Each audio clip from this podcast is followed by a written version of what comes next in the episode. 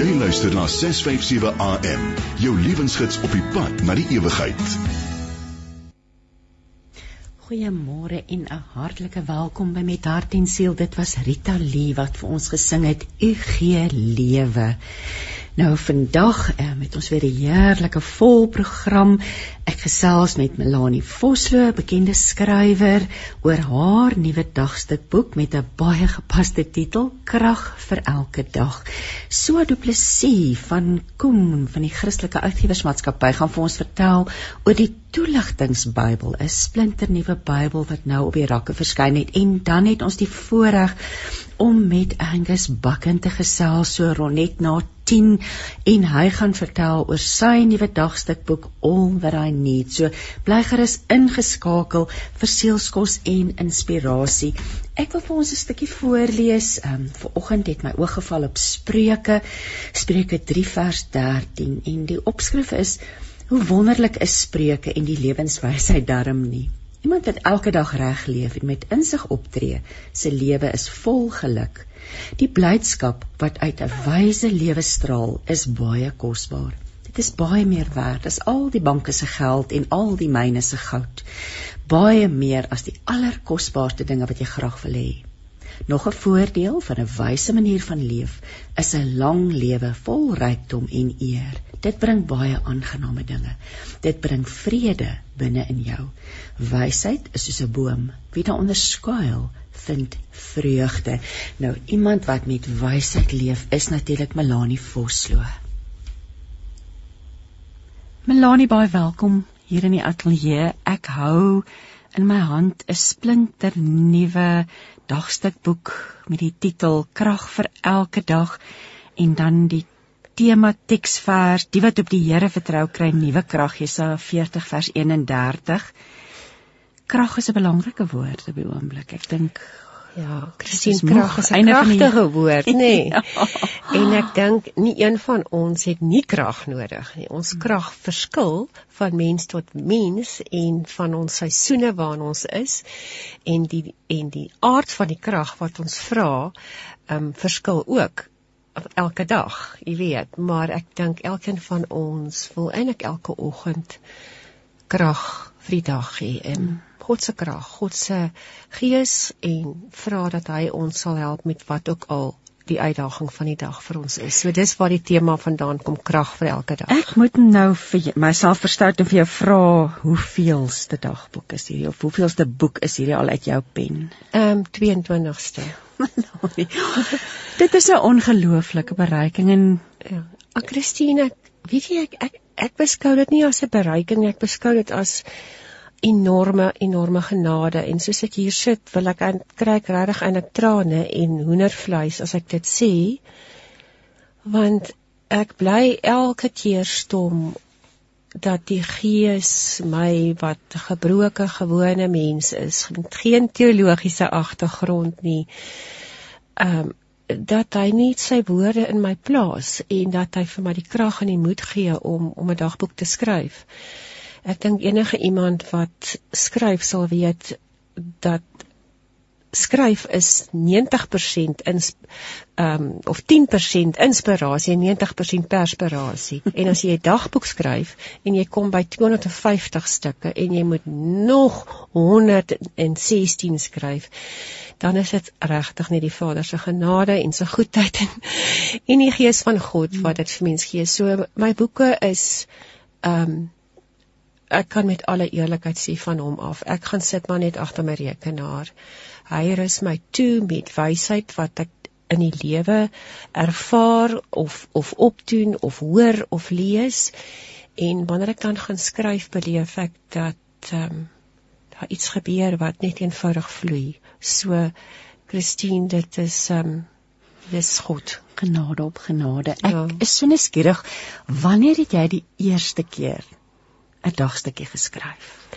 Christine, ek het, jy weet, ek is van 23 af het ek my eie besigheid. So die besigheidswêreld en alles daar rondom was nog altyd was tot toe deel van my lewe, kinders grootmaak, kinders en en die uitdagings rondom ma wees en alles en op 40 kan ek ek sal so goed onthou dit was ek was 40 jaar oud en dit het gereën die nag en ek het wakker geword en ek het 'n stukkie papier uit my bedkassie laai gehaal en ek het die eerste woorde begine skryf en dit was gebede. Ehm um, en en daarna het dit net gebeur. So my eerste boeke was gebedeboeke ehm um, gebedeboeke vir die vrou by die werk en so meer. En eers en toe het ek 'n boek geskryf as Jesus ma sou wees en 'n paar ander en dit was eers omtrent 4 jaar later wat ek die moed bymekaar geskraap het om die eerste dagboek te te skryf. Ehm um, sielskos vir die vrou wat leef. En natuurlik het jy ook vir leeftydskrif, ehm um, begin skryf. Ek en jy het mekaar raak geloop en ja, dit was net toe ek begin skryf met Christine. Maar dit is om ongelooflik hoe die Here nee, gewerk het en dit ja. is nou leef is ek dink nou al 16 jaar oud. So jy skryf eintlik al vir leef dink ek amper 16 ja, jaar. Ja, Christine, ek het begin skryf ek dink met jou derde uitgawe. En ehm um, ja, die luisteraars weet dit dalk, maar ons twee was saam op universiteit en ons het nooit kontak gehad nie en hier op 40 loop ons mm. mekaar raak by 'n geleentheid en weet. nee en en jy het net iewers raak gesien dat ehm um, ek dalk so hier en daar 'n bietjie 'n woord of drie kan skryf en ek is tot vandag toe nog dankbaar dat ek al hierdie jare verleef kon skryf. Wat 'n amazing tydskrif. Ag, die Here is goed, die Here is ja. goed en ek is net altyd verstom hoe jy altyd met nuwe inspirasie kom, maar ons het al daar gesels, dis die Here. Dit is kom van bo af. Mens kan nie mens sien goedjies raak, goed inspireer jou as mens soos jy nou dagstukke skryf en dan neem die Here oor, die Gees neem ja. oor my te lei. Kom ons praat 'n bietjie oor die feit dat dit vir vroue is dis vir amper van selfsprekendheid ehm um, ja, die hart van 'n ma die hart van 'n vrou jy het ja. nou ons net met die siel van 'n vrou ehm um, ja. hoekom vroue dit sommer net van self gekom of die uitgewer jou in daardie nee, rigting ek dink dit is vir jy weet ek het ek voel so ek het so hart vir vroue vroue is vir my net hierdie een, eenvoudig wonderwerke. Jy weet as jy dink wat vroue alles doen, hoe hulle die lewe bymekaar hou, hoe hulle die gesin bymekaar hou, wat ma's en en vroue alles doen daar buite. Ek bly net verstom oor wat hmm. vroue is en wat vroue kan doen. Uh, Natuurlik um, is dit vir my beleef ek vrou wees, ma wees, uh, al daai dinge baie intens. So dis vir my maklik om oor vrou wees te praat en om en ek beleef die lewe al die goed en die sleg ook baie intens en ek en ek hoor vroue se harte as mens met hulle gesels. So dis vir my so maklik om eintlik vir hulle te skryf want ek praat maar eintlik net met hulle vanuit my eie konteks en vanuit my eie belewenis in my hart. Want dis wat ek nou vir jou ook wou gevra het, hoeveel van jou dagstukke word deur jou persoonlike ervarings beïnvloed? Ek sien baie. Ek sou, sure, ek sou sê ehm um, ja, seker 30 40% word eintlik daardeur gevorm en dan 'n ander gedeelte natuurlik uit wat 'n mens ook by ander predikers hoor en leer. Ehm um, skrywers moet lesers wees so wat jy lees in boeke, ehm um, hoe jy boeke lees en ek dink die hele en hoe jy dan die woord ook ehm um, gebruik of of lees. So die inspirasie kom van uit verskillende bronne uit. Ehm um, en en 'n mens se hart moet eintlik maar net oop wees om in al jou lewenservarings te wil leer, te wil groei, te wil afhanklik wees en te hoor en dit dan ehm um, te gaan neersit. Kom ons praat oor krag vir elke dag. Hoekom jy's hierdie tema en hierdie titel? Christine, elke mens het krag nodig en dit is net so logiese tema. Ehm um, een van my ander uh, dagstukboeke moed vir elke môre was van die beste verkopers en ek dink is die titel. so krag vir elke dag sê eintlik op 'n manier ehm um, jy weet dieselfde en dit is die soeke van elke vrou van elke mens na na moed na die spesifieke stukkie iets wat sy van God vra voordat sy haar dag ingaan. Hou jy hierdie leser in in gedagte as jy skryf en hmm. dink jy aan haar behoeftes? Is daar wat hoop jy gaan gebeur met iemand wat wat jou dagstukkie boek lees? Christine, mens weet mos nou nooit wie koop jou boeke nie. Mens weet hoor hmm. hoor van mense, maar jy weet nie is dit 'n jonger, ouer vrou, wie is dit nie? So ek ek skryf ehm um, maar net om ek ek skets my verskillende vroue daar buite en dan probeer ek dink hoe daai vrou voel, hoe sy dink, wat haar belewenis is en dan probeer ek vir haar skryf. So ek hoop ehm um, en ek en ek kry baie keer die terugvoering van lesers is dat wat ek ook al neersit dat God vir daardie vrou sal gee wat sy op daai spesifieke hmm. dag nodig het. Ehm um, ek kan mos nie bepaal wat wat met ja. vroue gaan gebeur nie, maar dis of die Gees altyd vir mense gee wat hulle spesifiek nodig het vir daai vir daardie dag. Kom ons praat 'n bietjie. Ons het nou genoem jy staan al vir jare in die besigheidswêreld. Um, daar was baie uitdagings hierdie jaar wat verby is, die afgelope 18 maande eintlik. En wat tog balans is is is, is 'n moeilike ding. Al, al is ons deur grendeltyd, al het dinge rustiger rustiger geraak. Ek sien die verkeer is nou weer net so ergs van tevore. Ja. So, hoe hou jy hierdie balle in die lug. Hoe hoe skep jy balans in jou eie lewe? Christine, ek is eerlik as ek sê ek kry dit nie altyd reg nie. Ek het dit veral nie reg gekry of baie hard gesukkel daarmee toe my kinders klein was. En en jy jy alles wil doen vir hulle en en die besigheid bou. Ehm um, wat ek vir myself deur die jare net geleer het is weet wat jou prioriteite is. En as jy weet jou verhoudings met jou geliefdes, jou kinders, met mense is jou prioriteit, die manier hoe jy hoe jy God se stem uitleef as 'n prioriteit en hierdie is 'n prioriteit, dan weet jy jy kan net soveel doen. En dan moet mens leer om nee te sê. Dan moet mens leer om te let go. Jy weet, um, luisteraars sal dit so vreemd vind, maar ek het jare gelede besluit ek gaan nie op um, sosiale media wees nie. Ek het eenvoudig gesê hmm. ek kan nie my besigheid hanteer, uh, kwaliteit verhoudings sê, oefen want ek is so mal oor oefen, skryf um en my deur God laat gebruik en op sosiale media wees nie. So ek dink ek is seker een van die enigste mense op aarde wat nie daar is nie. En weet jy wat ek is okay daarmee, ek mis dit nie. Dit maak plek. Ek het nou dag iemand hoor sê maar sê nee vir sekere goed sodat jy kan ja sê vir Dis ander belangrike dinge nie. Weet jy um ja, ek dink 'n mens moet mens, mens moet joy vind, geluk vind in in om nee te kan sê en missing out. Dis okay hmm. om uit te mis. En natuurlik te leer moenie daai doenlysie so vol maak ja. dat dit aan die einde van die dag het jy net vir jouself vies is omdat jy nie by alles uitgekom het nie. Ja. So dis 'n bietjie genade met jouself oor hoeveel jy kan ja. doen en wat is die belangrikste goed wat ek vandag kan doen. Ja. Christine, uh, my man help my baie daarmee want anders sou ek waarskynlik vir alles in die lewe ja gesê het. En ek het al 'n paar keer in my lewe uitgebrand en ek weet hoe verskriklik dit is om uitgebrand te wees. So ek ken die rooi ligte en ek probeer baie hard om nee te sê vir sekere dinge sodat ek vir die belangrike dinge in my lewe ja kan sê en dit is eintlik al wat help. Maar jy is nie die eerste vrou wat sê my man ek ek kom ek weet nogal kom gereelde tee dat die man sal sê nee. Ja. Is asof hulle dis eintlik so mooi hoe hulle na ons kyk en ons versorg om te sien mevrou ja. jy doen nou te veel. Ja. Dis... Jy weet hy sal vir my ek sal nou met groot entoesiasme na hom toe gaan en sê ek het nou hierdie versoek gekry en ek ek het ja gesê en dan sal hy sê vroutjie is jy seker jy kan dit doen? Onthou jy het nou hierdie volgende 10 goed ook.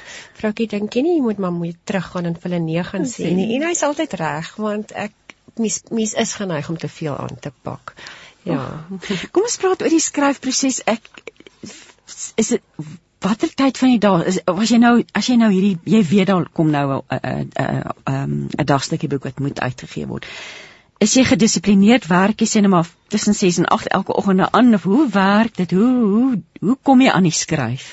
Christine luisteraars en potensiële skrywers moet nooit my as 'n patroon gebruik nie want ek dink ek is ongelooflik onkonvensioneel. So ek sê nie vir vir die uitgewer ek gaan 'n boek uitgee nie. Ek begin eenvoudig skryf wanneer dit op my hart lê en ek skryf en ek skryf en ek skryf en as ek so by 60 stukke kom dan begin dink ek, "Jesus, maar hier begin nou iets gebeur, jy weet."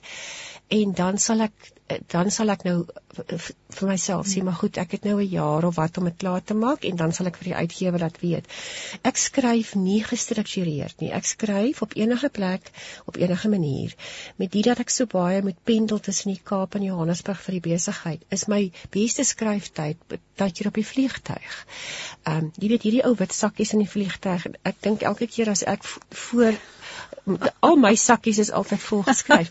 maar maar Christine, nee, ek ek met die besigheid en met met alles ek het nie gestruktureerde hmm. skryftyd nie. Ek skryf wanneer ek kan. Baie naweke. Ehm um, my man weet al as ek as die skryfgier my pak dan dan laat hulle my vir so 2 3 ure los. En so sal ek skryf totdat ek by 'n punt kom wat ek dan nou ehm um, hierdie boek moet hmm. verpak, dan sal ek vir 'n week of twee alleen iewers in 'n berg gaan sit waar niemand my in die hande kan kry nie. En dan sal ek absoluut gefokus daai twee weke om verpak, die stukke skuif, sorg dat my tekste reg is en so meer. So dit is dan die harde re realiteit. Ja, van die dissipline dan in. Ja, ja, ja, ja. Wat is vir die beloning van skryf? As ek hoor my skryfwerk het iemand gehelp om nader aan God te kom.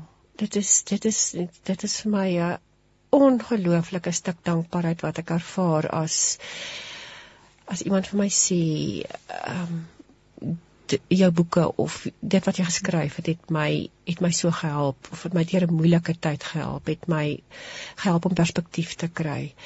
Ehm um, so die die beste beloning is dat ek hoor of weet dat hopelik my woorde mense nader aan hom bring ek moet net net vra ons ons het gepraat oor die inspirasie van elke dag en, en maar daar's tog 'n groter inspirasie en dis jou liefde vir die Vader nê nee. Ja, Christine, o, oh, ek is vir hom so verskriklik lief. Ehm um, ek kan jy weet ek my my lewe kan nie sonder hom wees nie. Ek dink waar ek om die eerste keer regtig diep in my hart leer ken dit was toe ek ek atleet, ek wil vreeslik graag atleet wees, maar ek is nie 'n atleet nie en ehm um, ek het toe op 'n dag besef hier ons van sê maar as ek verskriklik hard oefen kan ek lank afstande hardloop en so het ek lank afstande gehardloop en so maar ek moes ek ek moes drie keer harder oefen as enigiemand anders en ek het in daai tyd net besef hoe um, hoe broos ek eintlik is want ek het 'n baie brose liggaam maar hoe ek afhanklik van hom is van van daarvan. En so ook toe ek met die besigheid begin het daar's geen manier hoe ek as 23-jarige naïewe jong vrou wat niks geweet het in 'n besigheidswêreld kon gaan staan sonder God se krag en sonder my absolute afhanklikheid van hom nie. So ja, ek is vir hom verskriklik lief. Ek kan nie sonder hom nie. Jy praat nou vir die van die liefde van jou liefde vir die Here en en en jy het genoem van die kinders en die kleinkinders en en en, en jou man en maar wat lê jou nog na in die hart? Jy's lief vir oefen. Oh, smaller oefen, Christine. Ek is eintlik verslaaf aan oefen in die sin van ehm um, dis vir my moeilik om 'n dag nie te oefen nie.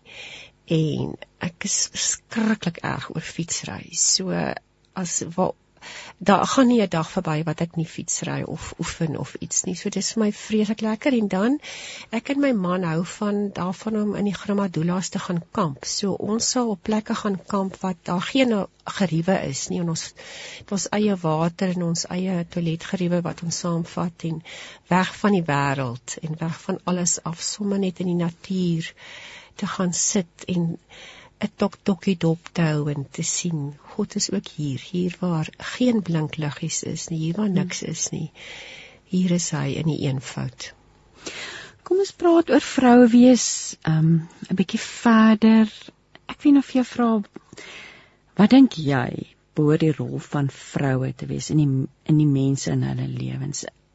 Neem ons te veel goed op onsself of watter plek het ons in ons gesin en in die samelewing na jou mening? Christine, ons vroue moet uiteraard van wie hulle is, moet hulle moet hulle 'n klomp goed doen. Hulle moet hulle kinders versorg. Hulle moet dat die huishouding en so aan omsien. Maar ek dink die heel belangrikste wat vroue kan doen is om te weet dat hulle Jesus Christus se voete, hande en oë kan wees. Jy weet moeder Teresa het so mooi gesê, Christus het geen ander liggaam op aarde nie, maar joune jy wat vrou is. Geen niemand anders se hande het hy nie, maar joune. Hy het nie voete om mee te loop nie, maar joune. Hy het nie oë om deernis mee te wys nie, maar joune. En ek dink vroue is by uitstek daar om Christus se liefde te gaan leef waar is hulle hoef regtig nie perfek te wees want wat mm. hulle doen en hoe hulle dit doen nie en hulle huise kan maar die mekaar wees en daar kan maar chaos in hulle lewe wees solank jy tussen alles deur tog die genade ontvang om iets van Christus daar buite te wees en te leef. En natuurlik 'n anker vir jou gesin te wees. Ja, die stabiliteit wat 'n ma of 'n vrou bring, ja, kan nie onderskat word nie, nee. Weet jy Christine, mens hoor so baie keer dat um, as daar onderhoude gevoer word en mense vra wie was die krag in jou lewe dat mense sê my ma want my ma was die een wat die waardes in die huis gevorm het wat die dissipline gehandhaaf het maar wat ook met haar versorgende hand vir vir my gewys het wat die lewe is. Ehm um, so ja, ek dink 'n vrou is te gelykertyd 'n anker en ook daar om vlerke vir haar mense te gee. Kom ons praat 'n bietjie oor die laaste 18 maande. Dit is dit was ja, ongelooflike 18 maande. So ek wil nou vir jou vra watter lesse het jy geleer of wat is die grootste les wat jy geleer het in hierdie nuwe tyd wat ons nou in leef? Christine, weet jy toe dit gebeur, was die COVID gebeur en en en die die wêreld eintlik verstom staan oor dat kan dan nou regtig in hierdie tegnologiese wetenskaplike eeu iets wees waaroor die mens nie beheer het nie. Was die eerste gedagte wat deur my gegaan het, ehm um, daar is 'n God en die wêreld het besef dis nie hulle nie. Dis nie ek en jy nie. Hmm. Daar is 'n groter um, God wat in beheer is. So ek dink mense het mense het eintlik net besef hoe afhanklik ons as mensdom is van God ten spyte van al ons ontwikkeling. 'n Ander ding wat wat ek weet wat ons almal geleer het veral in die grendeltyd is wat regtig vir ons belangrik is en ek dink ons het besef in hierdie tyd hoe belangrik verhoudings is, hoe ons mekaar mis, hoe belangrik aanraking is. En dan dink ek ook ons het ook in in in hierdie tyd geleer dat sekere dinge ehm um, lyk belangrik, is belangrik, maar is dit belangrik? Hmm. Ehm um, maak dit ewigheid sin? Gaan dit my lewe verander? So ek hoop dat ons almal in, in hierdie tyd geleer het wat werklik van waarde is en dat ons geleer het dat ons verhouding verhoudings, my verhouding met God, hmm. met myself en met ander eintlik altyd die heel belangrikste bly. Die naderdraai van hierdie periode van afsondering en, en ag alles wat daarmee saamgegaan het, is eintlik dat baie mense moedeloos en depressief en sonder hoop voel. Wat hmm. wat sal jy vandag vir, vir vir iemand wat luister wat sê dis alles goed en wel, maar dis hoe ek vandag voel. Wat sê jy vir daai persoon sê? Christine, ek dink daar't soveel goed met soveel mense gebeur. Verliese. Ehm uh, pyn. Uh, verliese van inkomste, verliese van mense, ontnugtering, twyfel. So ek kan net sê 'n mens verstaan dat mense ontnugter is en dat daar baie is wat hooploos en en depressief is. En daar is nie 'n 'n resep wat wat vir almal gaan werk nie. Hmm. Ek dink die belangrikste wat 'n mens kan doen in tye van swaar kry is om in die donker by hom te sit, by hom te wees en te wag dat hy vir jou die lig deurbreek want juis wanneer dit met jou baie moeilik gaan, is God die naaste aan jou. Ja, en ons natuurlik mense wat maar moet opgee met met God self ook, nee. Ja, weet jy, as jy gelowig is, het op daai plek kom en net sê, ja. "Bestaane is hy daar. Ja. Hoor hy my, sien hy my?" Christine, die die die die vraag wat die meeste gevra is in die afgelope 18 19 maande op Google is, "Waar is God?" Hmm. En dit is waarskynlik 'n geldige vraag. Die antwoord is waar hy nog altyd was hy waar hy was, toe dit met jou goed gegaan het, toe die wêreld um, sy eie gang geloop het, toe dit toe jy suksesvol was? Daar was hy by jou. Hy's nou ook by jou. Hmm. ook daar waar jy sy hand los daar waar jy twyfel daar waar niks jou sin maak nie daar waar jy die, die lewe vir jou onverstaanbaar onverklaarbaar is is hy by jou. Um, en jy weet ons dis ons mensdom wat ons gekies het seer en pyn gekies het toe ons rebels teen God um, geraak het met die Adams en elkeen van ons kies steeds, maar God se hand bly altyd uitgestrek na ons toe. En wanneer ons ver van hom af voel, moet ons weet dis nie hy wat ver van ons af is nie, dis ons wat maar net ons hand kan oplig en dit om sy hand kan sit want hy hy is daar en hy hou ons in die holte van sy hand en sy hart vas.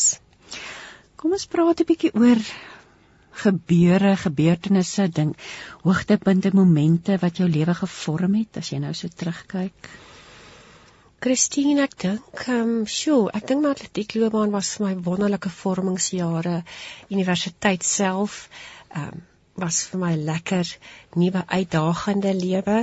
Ehm um, ek dink die hele feit dat 'n mens op 'n baie jong ouderdom die besigheidswêreld ehm um, of 'n besigheid begin het en en die harde leerskool daarvan as ek in terugskou en sal ek dit nooit anders wil hê nie selfs hier al die swaar kry. Die geboorte van mense kinders is natuurlik altyd vir jou mense hoogtepunt. Ehm um, en dan uh, die geboorte nou ook van mense kleinkinders en ek dink sommer net die elke keer wanneer ek 'n boek uitgee wanneer ek kom in my hand vashou is dit vir my 'n enorme hoogtepunt wat ek met baie diep dankbaarheid beleef. Kom ons gaan terug na die skrif. Bybelfigure wat jou inspireer. Christine, daar's baie, maar ek daar's 3 wat vir my vreeslik uitstaan. Die een is Dawid. Ek dink ek ek is so mal oor Dawid omdat hy as 'n klein jong rooikop seentjie dapper genoeg was om Goliat aan te vat. So hy was nogal iemand wat wat guts gehad het. Hy het wonderlike goed gedoen. Hy het die ongelooflikste psalms geskryf. Uh wonderwerke laat gebeur in die tyd wat hy daar was. En tog was Dawid ook tipies mens. Hy kon erg droog maak, ons weet dit en hy kon verskriklik huil as hy hartseer is. So Dawid se menslikheid is vir my fantasties. Ek smaal oor hom. Dan is ek vreeslik gek oor Petrus, want Petrus was hierdie arrogante um baie eerlike en baie reguit disipel van Jesus. Jy weet, hy was die een wat wat um die eerste uit die skuit sou klim en net daarna dan dan twyfel hy. Hy was die een wat onomwonde gesê het eh, dat Jesus sy sy lewe is en toe 'n paar uur later het hy gesê maar ek ken hom nie. En eh, later aan was hierdie selfde Petrus wat Jesus so in die steek gelaat het, was hy die rots waarop die kerk gebou is. So hy Petrus is net vir my toonbeeld van 'n gewone mens met ehm um, arrogansie, met foute wat tog ehm um, 'n dieper ervaring kan kry, 'n dieper mens kan word, meer kan wees en deur God gebruik kan word te midde van en ten spyte van sy sy foute. En dan die laaste een is natuurlik Paulus. Jy weet Paulus was ook hierdie go-getter. Toe hy aan die toe hy selfs toe hy Christus vervolg het, het hy geen het hy geen steen aan aangeraak gelaat om om om die Christene te vervolg nie. En toe God eers in sy lewe ingekom het, het hy was hy die een wat bereid was om stikkend geslaan in die tronk te sit en lofliedere te sing hoe mooi is hy? Hoe mooi is dit nie? En hoe incredible is dit nie dat hy vir ons deur sy briewe aan die gemeentes eintlik die diep waarhede van die evangelie oopbreek. Hm. En dan ten laaste, einde laaste, die laaste vraag wil ek by jou weet, het jy 'n gunsteling Bybelvers? Onregverdige vraag, ek weet, maar het jy 'n spesifieke vers wat wat jy voor lief is? Ek is mal oor baie verse, maar die een vers wat wat vir my altyd so diep bewus maak van God se liefde is die Here se hart is baie sag. Hy gee graag goeie dinge aan ons. Hy het sy kinders baie lief. Psalm 103 vers 8. Mm, ja, dit is 'n vers wat ek net eintlik elke dag ehm um, wil onthou dat God my, dat God jou liefhet ten spyte van ons foute en ons krake en ons droog maak en ons val oor onsself, is God se hart vir ons baie sag. En as ons maar net elke keer weer in ons gebrokenheid na hom toe kan draai, sal ons ervaar dat hy vir ons met oop arms inwag omdat sy hart vir ons sag is. Hm, ek gaan dit net weer vir ons lees. Psalm 103 vers 8. Die Here se hart is baie sag. Hy gee graag goeie dinge aan ons. Hy het sy kinders baie lief. Melanie, dit was verskriklik lekker om met jou te gesels en ter wille van ons luisteraars wil ek net die naam van die boek herhaal. Dit is 'n splinternuwe so mooi woord spiksplinter nuut. Splinter nuwe ehm um, oordeenking, 'n boek van oordenkingsdagstukke 366 inspirerende oordeenkingskrag vir elke dag deur Melanie Vosloo. Dit word uitgegee deur Koem Christelike Uitgewersmaatskappy en ek glo die boek is reeds op die rakke, so gaan kyk. Hy's op die rakke en hy sal by al die Koem winkels wees. Dit kan uh, online bestel word. Um, en dit behoort ook by Koem bestel word en dit behoort ook aan ander boekwinkels te wees. Ag, ons wens jou alles seën toe met hierdie boek. Mag jy baie harte aanraak en so dankie dat jy ons herinner dat die wat op die Here vertrou, kry nuwe krag. Dankie Melanie. Dankie Christine.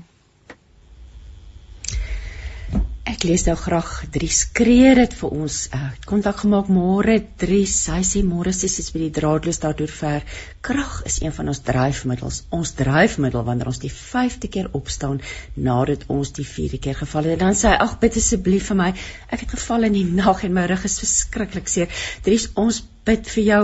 Mandy skryf, sy sê môre Christine en Melanie, lekker om na julle te luister. En ja my sissies, Joyce Meyer sê you can't please everybody all of the time en die na, natuurlik die natuur is ongelooflik Melanie. Ek onthou een oggend het ek 'n klein akkedissie dopgehou wat water drink van 'n blaar af. En dan besef 'n mens die Here leef. Elke mamma is 'n anker vir haar huisgesin. My mamma was ook Jesus liefde van Mandy af. En dan is daar 'n gebedsversoek please. Oh, I want to ask for prayer for God to protect our people. Abigail Tony Bridget and Terry uh, please protect us through your blood. Deel ons passie vir die lewe op 657 Radio Kansel en 729 Kaapse Kansel. En jy luister na met hart en siel en ons het nou vir so Du Plessis van Koen van die Christelike Uitgewersmaatskappy op die lyn en ons gaan 'n bietjie gesels oor die toeligtingsbybel môre Soa. Goeiemôre Christine. So 'n lekker voorreg om weer vanoggend met jou te kan gesels. Jy's ook al 'n bekende stem hier op ons program. So, ek wil nou dadelik vir jou vra waarom 'n Bybel met die titel Die Toeligtingsbybel. Ag, Christine, dankie vir die geleentheid. Dit is so lekker om oor Bybel te kan praat en ekstra spesiaal omdat dit nou so 'n besondere Bybel is. Nou, die Toeligtingsbybel is eintlik wat die naam sê toeligting.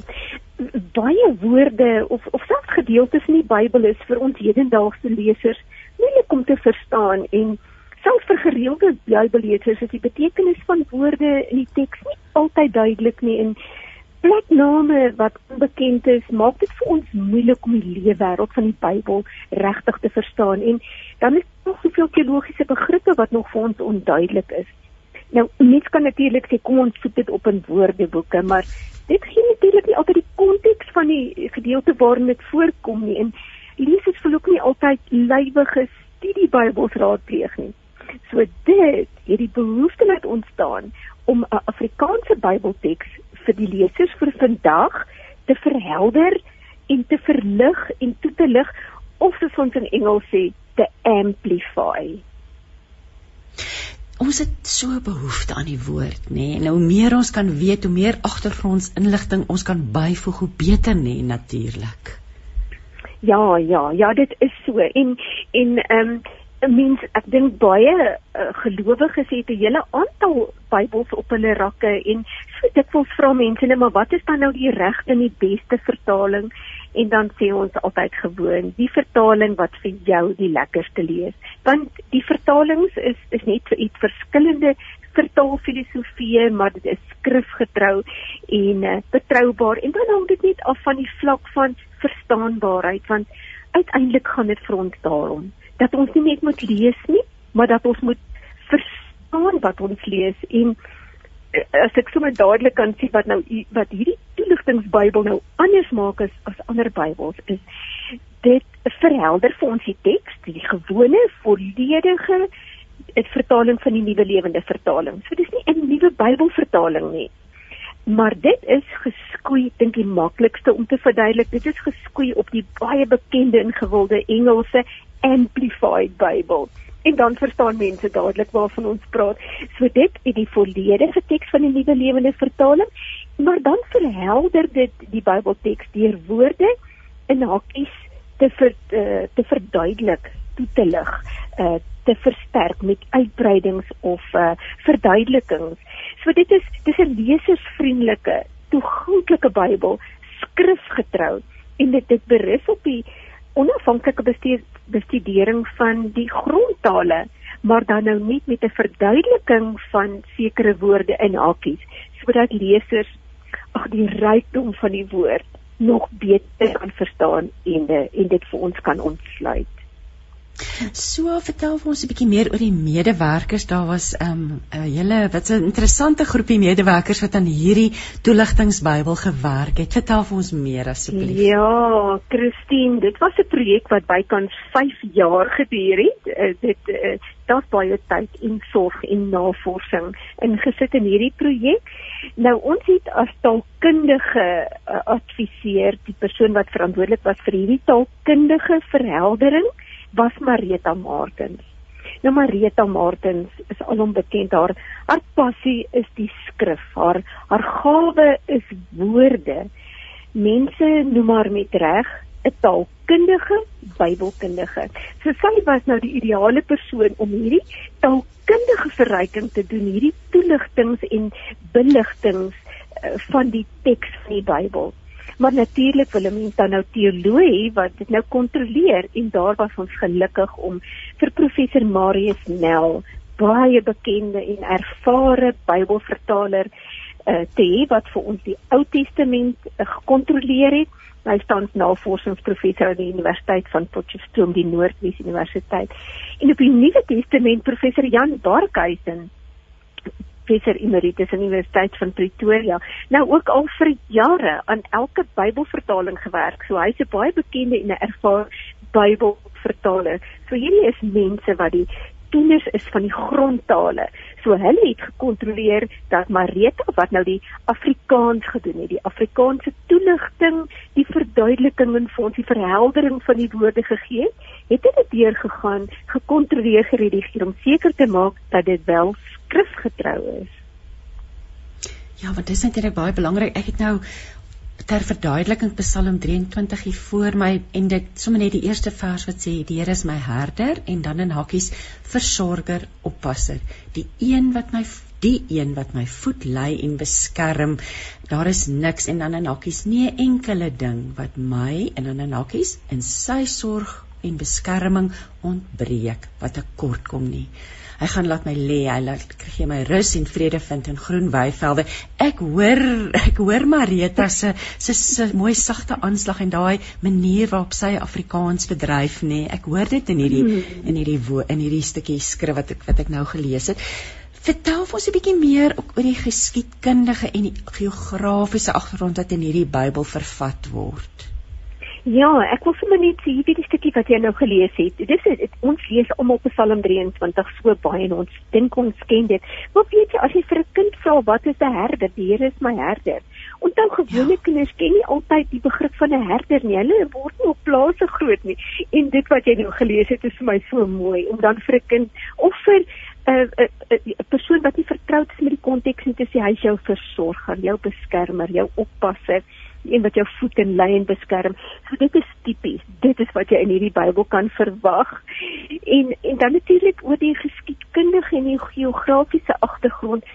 Weet jy, dit maak dit wel vir ons moeilik om die leefwêreld van die Bybel heeltemal te verstaan as ons nie weet waar die plekke lê nie. Ek, ek dink aan in Ester 1 lees ons daarvan die provinsies wat gestrek het vanaf Indië tot by kus dit is Ethiopië of van Asfiros en dan sal jy 'n hakie skryf wat koning geword het na sy pa Darius.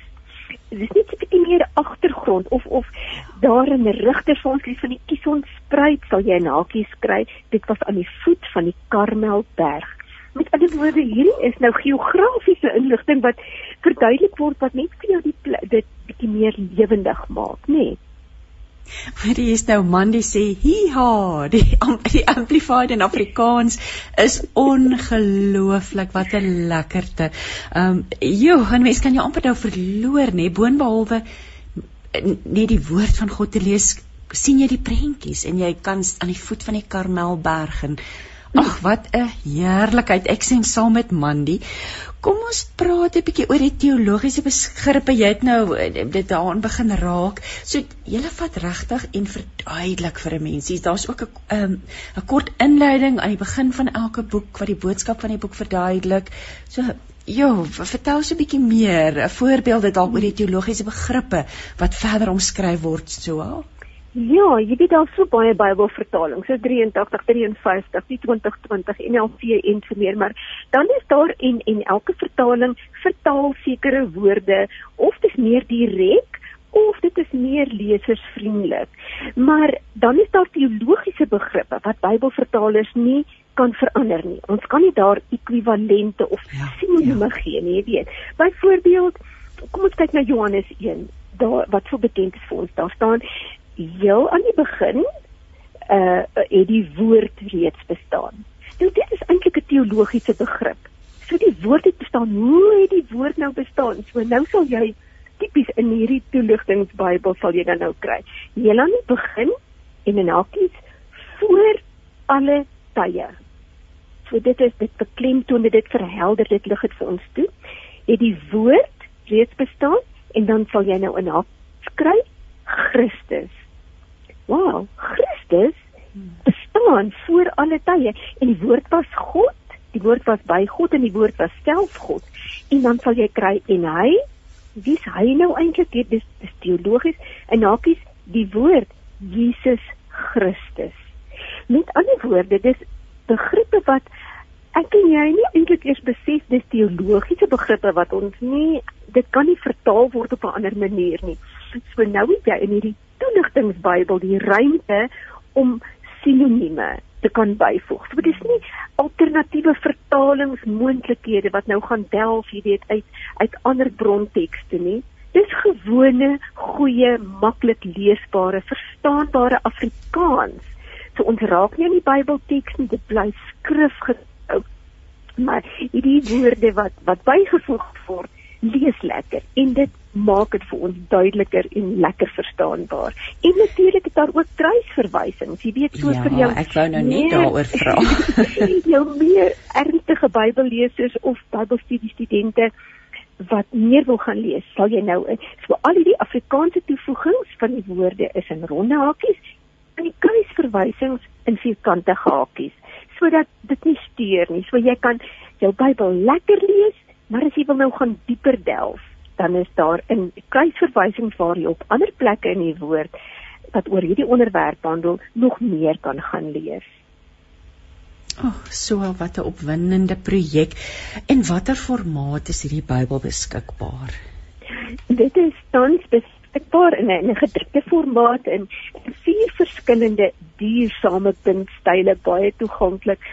Weet jy Christine, hierdie is dit is so 'n ideale geskenk, 'n Kersgeskenk vir vir Bybellesers van enige ouderdom, vir vir jong gelowiges, vir ervare Bybellesers, vir Bybelstudie studente. Weet jy dit sal regtig die die rykdom van die woord op vars maniere ontsluit en en dan natuurlik bydra tot ons geestelike groei en ons verryking, jy weet. So hierdie is 'n is 'n lieflike geskenk vir enige persoon in jou lewe. En jy verwys ook daarna as 'n reuse mylpaal vir Afrikaanse Bybels, eerste keer wat wat so 'n Bybel op die rak kom. Um, so waar kan mense wat nou graag wil bietjie meer lees oor die Bybel, waar kan hulle daaroor te wete kom? Het jy is dit is daar inligting daaroor op julle webwerf? Ja, daar is en die maklikste wat ek net kan sê is Koenbooks. Koenbooks.co.za, so dis C U N books uh koenbooks.co.za. So op die webwerf is daar is daar inligting, dit kan gekoop word en die dit is natuurlik oral al in die winkels en op die winkelrakke en daar is ook 'n uh, eh, promosieboekies wat mense kan kry in die winkels. Maar vir die wat dit nie kan maak om om na 'n uh, inkopiesentrum te gaan nie, kan natuurlik dit aanlyn bestel. Ag, oh, so ek is baie opgewonde en ek gaan as ek en jy nou klaar gesels het vir ons Psalm 100 voorlees uit hierdie Bybel, so pragtig um, geskryf. Maar baie seën op hierdie projek of of en sterkte en seën vir mm. vir hierdie Bybelprojek vorentoe. Mag dit sommer baie harte aanraak, nê? Nee? En en mense se begrip en en liefde vir die Here verdiep om te sy woord op 'n ander manier kan lees ook, nê? Nee?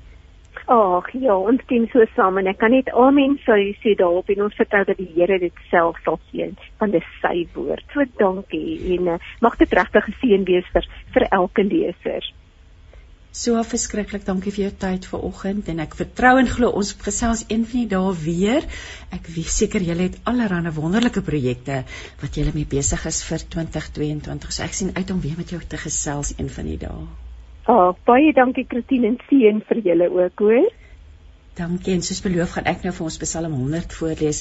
Um 'n stukkie dien die Here met blydskap, 'n dankpsalm. Almal op aarde juig tot die Here, dien die Here met blydskap in blye, volledige persoonlike oorgawe kom voor hom in sy teenwoordigheid en sing met vreugde. Erken, bely dat die Here God is. Hy alleen het ons gemaak en ons is syne, sy volk, die skape van sy weiveld. Gaan sy poorte in met dankliedere, sy hofsaal gewyde voorhoewe met lofgesange, prysliedere. Dank en loof en prys sy naam. Die Here is goed. Sy troue, onfeilbare liefde hou aan vir altyd. Sy trou is dit bly bestaan van geslag tot geslag. So dit is dan uit die nuwe toeligtingsbybel. 'n Oorvloed van die lewe op 657 Radio Kansel en 729 Kaapse Kansel. Jy luister met hart en siel. Ek is Christine Ferreira en ek ons is besig om om Angus in die hande te probeer kry. Daar's 'n bietjie tegniese probleme aan daardie kant, maar terwyl ons wag dat hy op die lyn kom, wil ek graag lees uit sy nuwe dagstukkie boek. Uh die boek is All That I Need en ek het 'n stukkie gekies vir ons nie titel Heavenly Minded. Just as we are now like the earthly man, we will someday be like the heavenly man. En dit is 1 Korintiërs 15 vers 49. En dan Kolossense 3 vers 2 wat sê set your mind on things above, not on things on the earth. En dan skryf Angus vir ons, the word of God says that as we have borne the image of the man of dust, that that is Adam, we shall also bear the image of the heavenly man. Wow, what a title. Who is the heavenly man? Well, his name is Jesus. John 3 verse 31 says, He who comes from above is above all. He who is of the earth is earthly and speaks of the earth. He who comes from heaven is above all. What is on your lips and in your heart today? Are you occupying your mind with heavenly or earthly things? You and I gave our lives to Jesus Christ, and 2 Corinthians 5 verse 17 says, If anyone is in Christ, he is a new creation. All things have passed away. Behold, all things have become new. Seek the face of God and start to speak about the things which pertain to eternity and eternal life today. We are heavenly people. We are not of those of the dust. With John Newton, with John Newton we can say, we once were lost, but now we found. We're found. We were blind, but now we see. Amazing grace. We need to get focused on heaven and not get bogged down by the things of the earth. Have a wonderful day as you look up and realize that your redemption, your salvation draws very near. En dis wyse woorde van Angus Bakken en soos ek gesê het, ons sukkel 'n bietjie om vir Angus op die lyn te kry. Ons gaan aanhou probeer. Um ek weet nie ons dit gaan ons maar so partykeer, maar ek wil intussen gesels oor nog 'n paar boeke wat hier op my lesenaar beland het. Dis natuurlik hierdie tyd van die jaar wat wat dagstukke boeke op ons rakke begin verskyn. Hier is 'n vreeslike vrolike vroulike boek met die titel 'n palet vol vreugde. Dis natuurlik geskryf deur Alette Johannie Winkler en Alette sê Spreuke 3 vers 5 tot 7 inspireer haar vertrou op die Here met alles wat jy het en moenie staat maak op jou eie insigte nie. Vra na die wil van God in alles wat jy doen en hy sal die regte pad vir jou wys. Moenie jou wysheid oorskat nie. Hou eerder die Here voor o en vermy wat sleg is. Ons ken natuurlik vir Alette as 'n uh, voorkomskonsultant, 'n Christenleier, 'n vrou en 'n ma en sy het dan 366 dagstukkies wat jou nader aan God sal bring. En hulle sê agter op die boek sy daag jou uit om die Here te vertrou in elke aspek van jou lewe van ma wees jou gesin se finansies toekom die toekoms negatiewe gedagtes tot jou selfbeeld loopbaan en nog meer. So ontdek 'n palet vol vreugde saam met Alette Johanni Winkler. Ons is so bevoorreg ons het so 'n groot keuse van boeke om om ons te ondersteun steun in ons geloofspad. Hier het ons ehm um, Barend Vosse uit die Beek 365 dagstukkies vir 2022 uit die Beek is natuurlik ja, bestaan al vir amper 100 jaar, kan 'n mens dit glo. En dit bied daaglikse geestelike leiding en inspirasie aan letterlik generasies van gelowiges. Maar is vars en relevant en ek weet uh, ek het al met Barend gesels. Ek dink aan die einde van verlede jaar hulle het begin verlede jaar om ons aan te moedig om die Bybel deur te lees. Nou met hierdie boek sit hulle die poging voort En daar word gelees uit Eksodus, Rigters, Job, Spreuke, Jeremia en Amos, as ook Matteus, 2 Korintiërs, Efesiërs, Filemon, Hebreërs en Jakobus. En dan vier hulle ook natuurlik groot momente in die kerkkalender. Um ek sou nogal geïnteresseerd wees om te weet hoeveel van ons luisters, luisteraars het groot geword met uit die beek, uit die beek en radio kansel. Um natuurlik uh, vier ons ook groot mylpale hierdie jaar en is volgende week weer tyd vir ons Visiothon. En ek wil jou uitnooi vir oggend as jy 'n getuienis het oor wat Radio Kansel vir jou oor die jare beteken het en jy wil graag hê ek moet met jou daaroor gesels. Um kan jy gerus vir my 'n e-pos stuur? Jy kan dit vir my stuur aan cferreira@leef.co.za en dalk net vir my so 'n opsommingkie gee um, oor hoekom jy graag volgende week lewendig met my oor die lig wil gesels oor wat Radio Kansel vir jou persoonlik beteken het. Dit sal vir my 'n groot voorreg wees om dit ook met ons ander luisteraars te kan deel. Dan het ek ook hier 'n dagstukkie boek in my hand en dit is van Susan Koetser, ook wel bekend en bemind um onder gelowige vroue reg oor die land en hierdie boek um sê Susan se humorsin is heerlik. Die wêreld het meer sonneblommense nodig. Mense wat hulle koppe na die son toe draai en natuurlik die son met 'n hoofletter. Eerder as giftige aai wie so praat, sy stink Afrikaners, stekelrige kaktusse, knieserige rosies of klaande hangkop wilgers moet ons eerder kyk so sonneblomme. Ons koppe draai al agter die son aan. Natuurlik tipies Susan Koetser altyd met 'n tikkie humor by. 'n volgende boek wat nou nie heeltemal 'n dagstukkie boek is nie, maar nog steeds wonderlike leesstof vir jou gaan bied, is Discovering God's Will for Your Life: A User's Guide to Discernment en dit is deur Trevor Hudson. Um ek hou ook 'n boekie in my hand van Dave Viljoen uh stuur vreugde 'n reis van 7 weke saam met Barnabas en Paulus en hoe 'n mens die uh, die vervulling van 'n gestuurde lewe kan ontdek. So daar's 'n hele aanbod. Ons gaan nou weer 'n stukkie musiek luister um, en ek glo dat ons met oom Angus sal kan gesels binne die volgende paar minute. Ons familie word net groter en groter. Welkom by ons op 657 Radio Kansel en 729 Kaapse Kansel. Jy luister nou met hart en siel en ek met nou om verskoning vra ons kry nie vir Angus Bucken in die oomblik in die hande nie. Ons weet nie wat die situasie daar is nie. Ons glo hy's veilig en en gesond, maar ons kry ongelukkig nie in die hande nie. En dankie tog vir radiovriendinne soos Berta Leroux. Hallo Berta. Hallo. Hoorie baie dankie dat jy inspring en bietjie met ons gaan gesels. Jy's gewoonlik aan die ander kant van die mikrofoon, agter die mikrofoon op 'n donderdagoggend. Um ek en jy ken mekaar al vir baie jare. Ek dink jy was al verskeie kere op Leefse voorblad.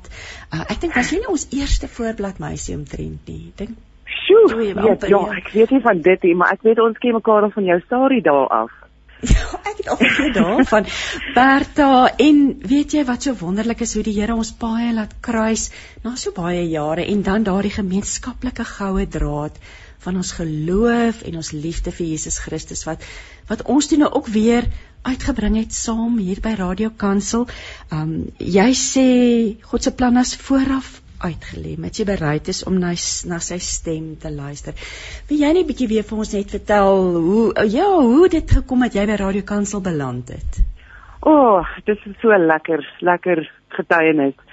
Ehm um, wel, ek het ehm um, 2014 klaar gemaak by Radio Kansel. En op daai stadium het ek 'n ongelooflike vrede my gehad by Sewende Laan. By Sewende. Ek sê by Sewende Laan. ek het 2014 klaar gemaak daar. Ehm um, ek praat nou oor die toekoms nê. Ehm um, ja, nee, 2014 het ek klaar gemaak by Sewende Laan en uh ek kan nog onthou my my ehm um, uh kamermaat wat my kleedkamer gedeel het, uh, Diaan Lawrence het nog maar gesê. So ehm um, weet, het jy nou al die geld opgespaar en al die dinge gedoen wat jy moet doen voordat jy nou wegtreë uit 'n werk uit? Het jy 'n werk opgelaai en het jy dit en dat en die en daai en ek het net vir gesê nee ek het niks van daai getoets nie, maar ek het 'n ongelooflike vrede in my hart. Uh dat dit die regte tyd is om te gaan. En uh en ek weet net God voorsien vir my en ek weet hy beplan ander dinge vir my in die toekoms. So dit was my ehm um, ek was ek was so rustig geweest en uh, ons het uh, aan die einde van die jaar toe uh die sê daai nee hy wil net vir my bonus check gee en alles en so en So alles het die hele tyd ehm um, uitgewerk dat dat God net vir my voorsien het en ek het in my hart op daardie stadium godliedjies en God stories in um, gehad dat ek graag vir die kindertjies net 'n lekker praktiese manier van die Bybelstories wil vertel en 'n DVD maak en 'n CD en liedjies en so aan. Maar dit het ook nou nog nie vreeslik vinnig pos gevat nie. So aan die begin van 2015 het ek toe nou gesit en letterlik ehm um, die een rekening met die ander die een kredietkaart met die ander kredietkaart ja. afbetaal, jy weet.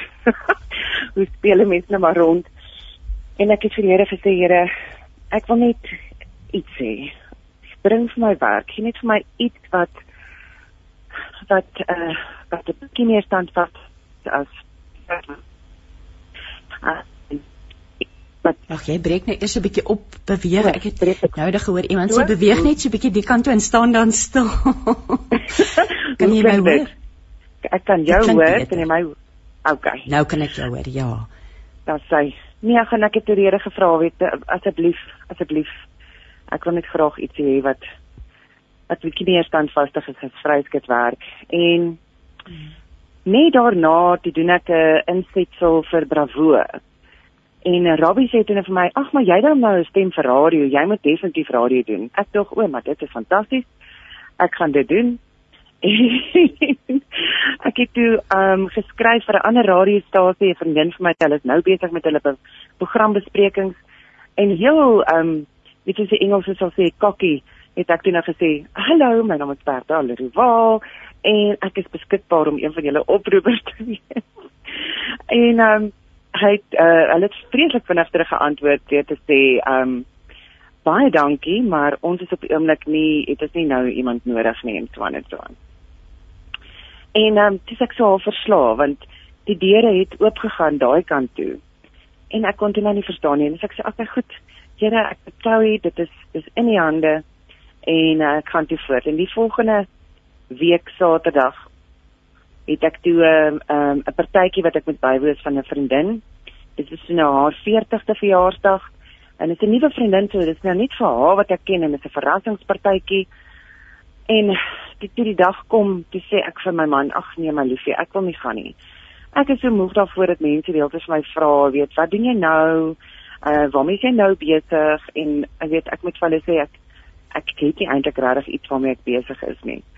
En uh dit ehm um, Ons kom toe hy sê toe nee nee nee nee, ons het babysitters gekry, ons gaan gaan. Ek sê van af fyn, ons gaan na die partytjie toe. Ons kom toe daar aan en ons sit aan 'n tafel van 'n uh, klomp mense wat ons nou nie ken nie. Ehm um, maar soos dit nou kom, sit Christa Wester toe nou oorkant my. Nou Christa Wester is een van Radio Kansel se bemarkers en uh haar koneksie met met die vriendin Marina ehm um, is dat hulle mans uh, saamwerk. So hulle mans werk saam in Tansanië, dis baie ver. Maar en sy het nou ook toevallig was sy in Pretoria want sy bly eintlik in Umhlanga. Ehm um, en sy het nou ook toevallig hier gewees sodat sy die partytjie kan bywoon. En ons raak toe net gestel en sy sê praat jy nou wat ek doen? Ek sê ag ek werk maar aan godlikies en god stories en so aan en ehm um, sy sê ouma weet uh sy werk vir 'n radiokansel. Ek sê o, dit is wonderlik. Ehm um, maar vertel vir my 'n bietjie hoe gaan 'n mens te werk om dalk 'n omroeperspos te kry daarso. En sy sê wel, jy praat nou met die regte mens en sy reël toe vir my 'n uh, 'n uh, audisie, 'n uh, 'n stem, wat noem jy dit, 'n stemtoets. Uh wat is dit nou kan doen by uh, radiokansel? En ek sê van die goed en ek reël toe nou en een van die my vriendinne het toe nou ingetree as iemand wat ek kan bel om as 'n gas om 'n gas te speel en ek doen toe nou so half 'n uur lange program voorstel vir 'n audisie. En daar het ek dit nou gelos want ek ek het nou al geleer om weet wanneer jy audisies doen en stemtoetse doen en so en dan moet jy jy moet alles insit en jy moet alles gee maar dan los jy dit. Weet, dan los jy dit in God se hande. Dan is dit nou up to him. En so week later het bel Wilma van Skalkwyk my toe sê sy nee maar sy wil my kan sy wil ek sy wil my sien en toe bied hulle vir my die program Vreugde Joy aan en ek is toe nou net so opgewonde. Hulle sê toe nou 2 ure op 'n donderdag en jy kan daarmee maak wat die Here vir jou op jou hart lê. En soos ek terug ry huis toe, het hulle wat hulle gesê ek moet nou die program naam kies.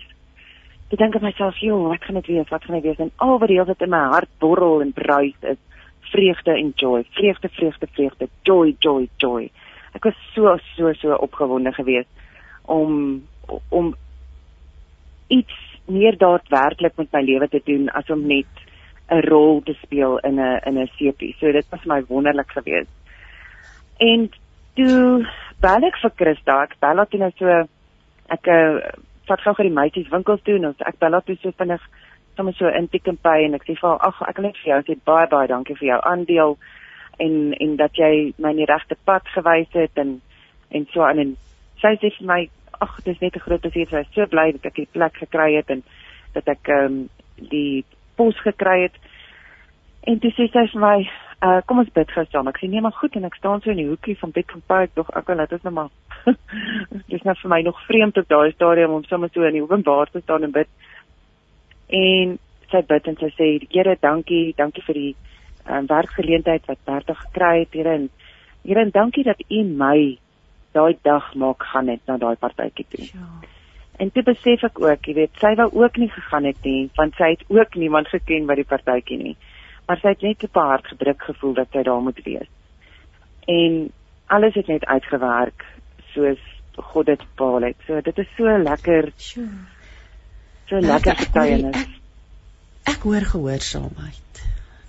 Wat kom ons praat 'n bietjie oor gehoorsaamheid. Wat wat beteken dit vir jou om aan God gehoorsaam te wees?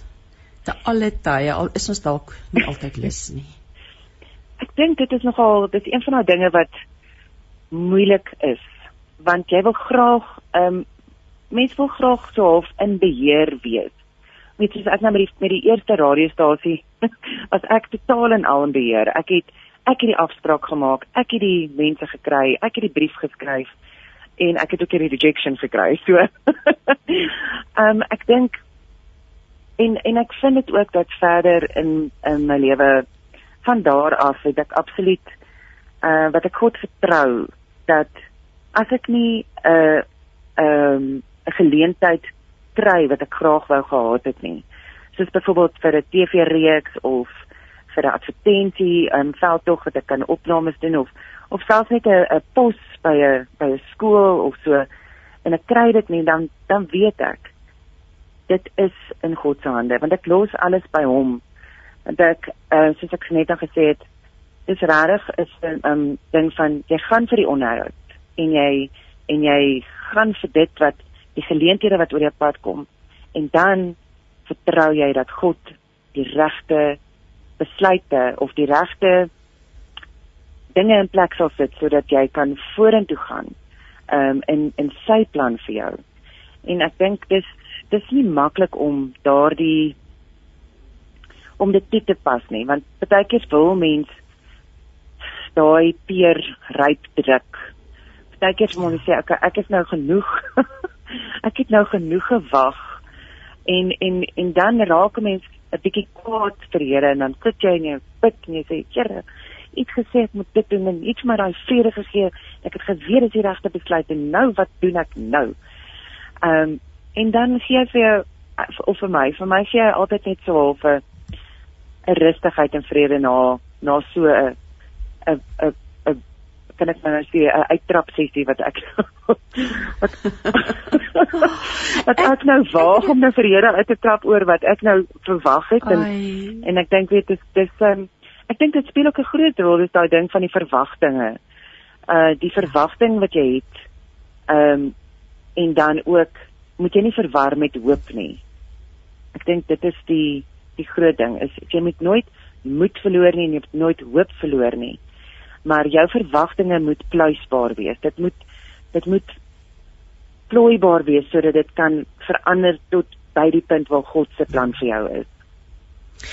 Ek wil nou vir jou vra lewenslesse wat jy geleer het in hierdie tyd by Radio Kansel. Want dit dis dis dit dit het 'n groot impak op mense se lewe om so 'n program dan hoe dit jou lewe verander op 'n persoonlike en op 'n geloofsvlak op 'n geloofsvlak is dit net ongelooflik want ehm um, met met my voor my gebed vir die werk het ek al gebid Here ek wil U beter leer ken. Ek wil ek wil meer weet van hoe U hart werk. En my program is basies mense wat uh hulle getuienisse lewer. Mense wat deur diep waters gegaan het en aan die ander kant triomfeer het uh omdat hulle hulle harte en hulle lewens aan God opgegee het. Ja, ehm um, ja. en ek dink dit is een van die van die lewenslesse wat ek geleer het is om regtig volwaardig jou lewe op te dra aan die Here en te sê dit is in u hande Here. Ek sal doen wat u ek is hier, ek is u dienskrag Here. Ehm um, waartoe wil jy my stuur? En uh en ek dink dit was een van die lesse wat ek regtig geleer het. Ag, dis Bertha, ja, en natuurlik net op op hom te vertrou. Ek gaan nou vir jou moet totsiens sê want om Angus Bakke net lyk like my ons het hom in die hande gekry. Ek dink daar was 'n vliegtyg betrokke geweest en ek wil dankie sê dat jy ingespring het en gou kom gesels het 'n bietjie met my. Um ja, maar ag ons waardeer jou en ek geniet ook om na jou te luister op 'n donderdag so seën en ek hoop ons gaan een van die dae nou weer ons gesprek ja haak ek nou hier vas ons gesprek voortsit maar ja op God te vertrou nê en gehoorsaam te wees en dis ook wat oom Angus in sy boek sê all that I need nê ons het eintlik net vir all that I need Absoluut. Oh, but God. But God. Seën vir jou. Tot donderdag wat ons weer na jou luister. Daar sê dankie Bertha. Dis meer as net radio. Dis 'n manier van lewe. Dis 657 AM. Uncle Angus, are you on the line? Yes, Good morning. I am, Christine. I'm very sorry about uh, the delay, Christine. We've just uh, landed in Woolamore in uh, Karoo, and I'm about to uh. go and speak to a large crowd. Um, and encourage the farmers because they're really down at the moment, eh? Oh, Uncle Angus, you know what? If airplanes are involved, all is forgiven and we have no control about time. But what a privilege to be talking to you. And we have a couple of minutes, um, at least 15 minutes to talk about, because I would love you to end off with a, with a prayer for our listeners this morning. Oh, beautiful. I'd love to, Christine. I'd love to. Tell me, first of all, about your new daily devotional book. It's called All I Need. And I want to ask you, what does this title mean to you personally? Well, Christine, it means everything to me personally, and especially because of where I'm standing. I'm standing in the middle of the Karoo. And the Karoo has experienced one horrific drought, as you know. Some areas, Yeah. no rain for years, not months. You know, at Shalom, in KZN, if we don't have rain for two weeks, we start to panic. But some of these people here haven't had rain for years. And that book, All That I Need, says it all. You know, if Jesus Christ is Lord of our lives, it doesn't matter what happens. We walk by faith and not by sight. 2 Corinthians chapter 5 and verse 7.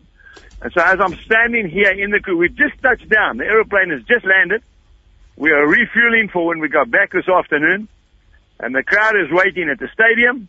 And I'm talking to you here and I'm looking at these little fakies, uh, Christine. You know these little fakies, these yellow ones, Yes. purple. Just one drop of rain and I tell you what, they are incredible. I wish you could see them. Um, and again, the Lord is showing me that He is all we need. And He's told us in these last days that things are going to get tough. They're not going to get easier. But His grace, Christine, is sufficient for us. Isn't that right? 2 Corinthians chapter 12 Yeah. and verse 9. Let's talk about Psalm 16 verse 5 because that seems to be also central to your book. Again, God is all we need. Absolutely. Yeah, absolutely. You know, it's, it's self-explanatory. You know, when you've got Jesus in your life, uh, Christine, you don't have to look for anything else. I mean, before I became a Christian, I thought, you know, if I could one day get my own farm, I was just a youngster, I was in my twenties, then that would be the utopia for me. Well, I got the farm, you know, and it still wasn't enough. And then if I could just get this, and then if I could just get that, I've got five children, I've got, I've got 11 grandchildren. And then if I could just do this, and then I realized that it's Jesus actually that I've been looking for all my life. And Jesus is enough. Absolutely, amen to that. I'm I'm nuuskierig. I want to know what are you going to be telling the farmers today because I feel in my heart that it's also a message that's going to be applicable to our listeners today. Amen. Good question, Christine. What I'm going to be telling them is that is that you need you need faith the size of one mustard seed. Jesus says, and then you can tell the mountain to be moved. Now these people are down; they're on their knees. That's why I'm here. Hmm. Okay, I came at, a, at, at, at last minute notice. Okay, and they're coming from all over the Karoo. Okay, now you must remember, the rain has come. We've got they've had a little bit of rain, but they've got no animals. They've had to sell everything. Okay, so now what are we going to tell them? I'm going to tell them that we walk by faith. I'm going to tell them that where there is no vision, the people will perish. I'm going to tell them that Helen Keller, who was born blind and deaf, or she was when she was 19 months old, okay, can you think of anything worse, Christine? Blind and deaf. She had no contact with the outside world.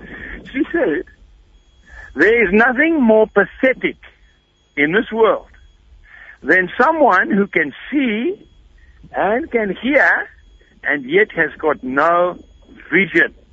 So I'm going to tell the farmers today we need VC. We need to restore our vision. We've got to take our eyes off ourselves. We've got to take our eyes off our situation.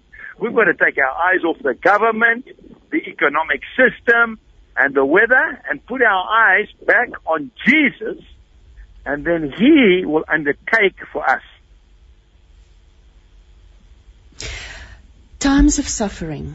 How? Because you write about that in, in your book. There's several themes that you address, but Yes. you know we live in challenging times, and and and not I think not nearly as bad as it is for the Karoo farmers. You know, for us living in the cities, and we're not aware of that so much. But how should we as believers respond to suffering? We all get faced with adversity almost at the moment, at a, uh, you know, uh, uh, on, you know, on a weekly basis, loss and and fear and yes, suffering. How do we? How should we respond? Yeah, yeah, you, you're talking to the right person. You know, you talk about farm murders, for example. I mean, there's a, there's a prime example. Farm murders. Farmers are still getting murdered. So what do we do? You know, what we do is we go back to the Word of God. Now, the Word of God, Christine, tells us in Psalm 34, verse 19, many are the afflictions of the righteous. But the Lord shall deliver us from them all. Now, maybe you've seen that movie, Faith Like Potatoes, Christine. Have you seen it? Yes, I have. Well, Indeed, that's, I have. Well, that's, our, that, that's our story, okay, uh, Christine? And I want to tell you, it's a true story. And I want to tell you right now that the Lord has taken us through every single trial and tribulation. I'm talking about personal tragedy in my family. I'm talking about tragedy of um, droughts. I'm talking about floods. I'm talking about economic chaos. I'm talking about political unrest, and the Lord has never changed. As I talk to you now, Christine, I wish you could be standing next to me. I'm looking at a mountain. It's in front of me. Okay, it's right next to this airstrip. We're in the middle of the bush, by the way.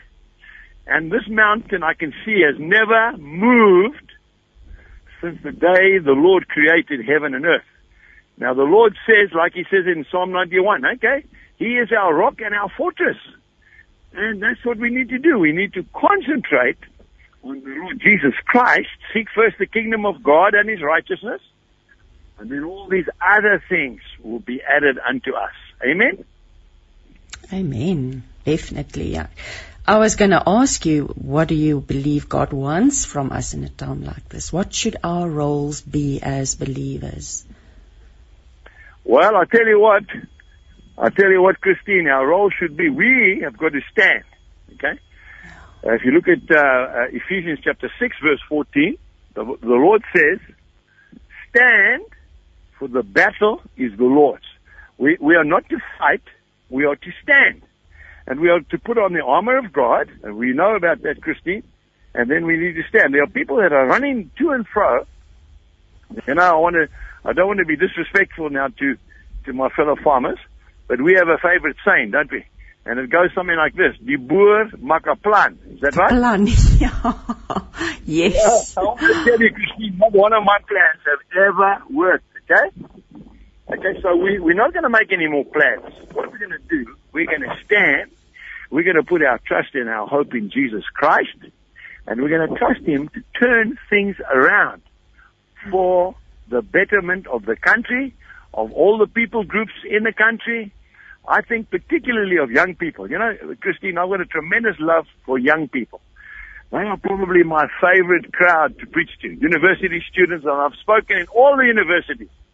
And I love them because they've got soft hearts. They want to learn. They know they'll be here when we're not here.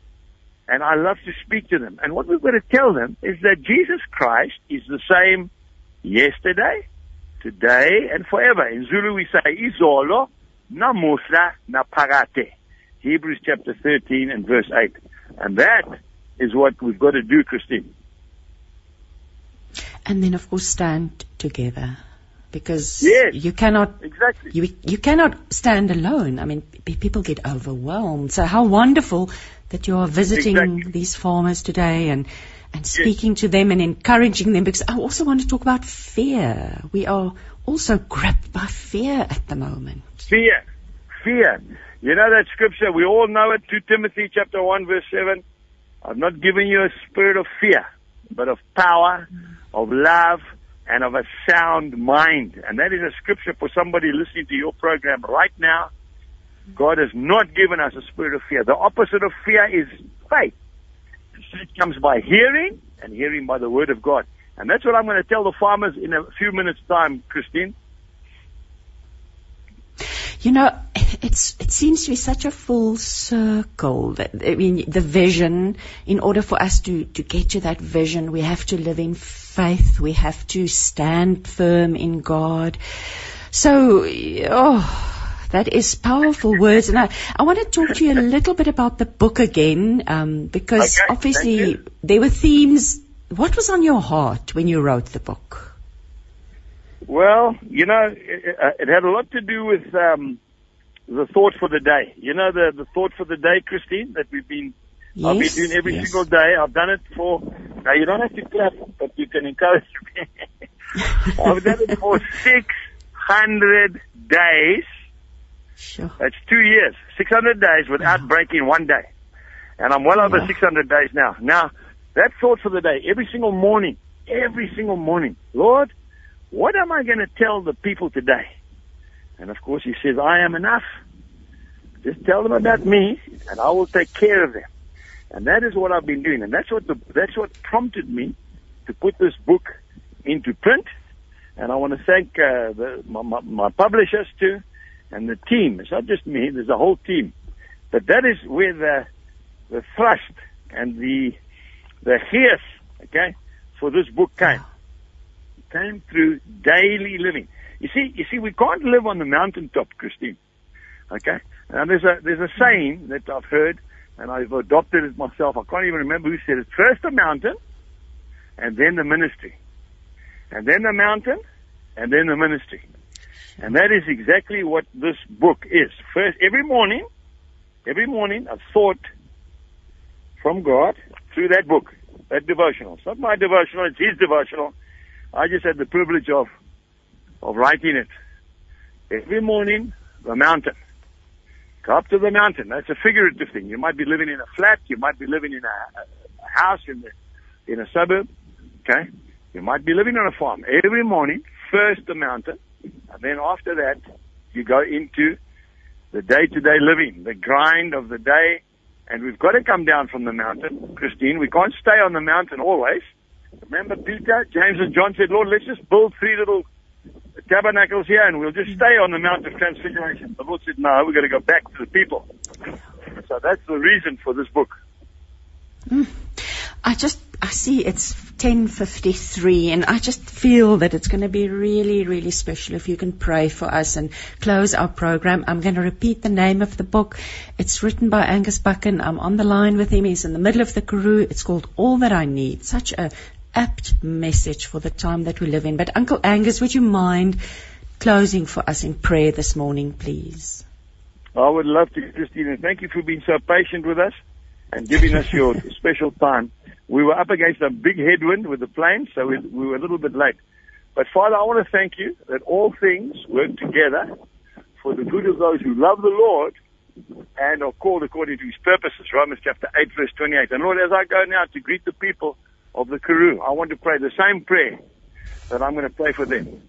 And the prayer will go like this. Father, we know that in Jesus' name, we can do nothing in our own strength.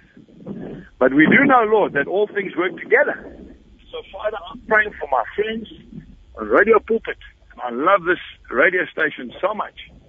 I'm praying, Lord, that when they read that book, they will be encouraged daily the forthcoming year of 2022. And we're believing for nothing less, Lord, than miracles, signs, and wonders through reading this word every single day, which is actually your word. And I ask this in Jesus' name. Amen. Amen. And we just pray a blessing over you as well as you speak to the farmers and, and, and we keep on supporting them with our prayers. We've had many conversations with, with the, the wives of farmers, especially on the, on this program. So yes. our prayers go with you as well and may your message be well received and may it sink into the hearts of the dry land, you know, that, that I just see the picture of the dry land and may it sink in yes. deeply, whatever God wants you to tell these people thank this morning. Jesus. So God thank bless you. you. and thank you. Thank you for speaking to thank us you, and have a God safe trip you. back. Thank you so much. God bless you. Bye. Thank you Uncle Angus.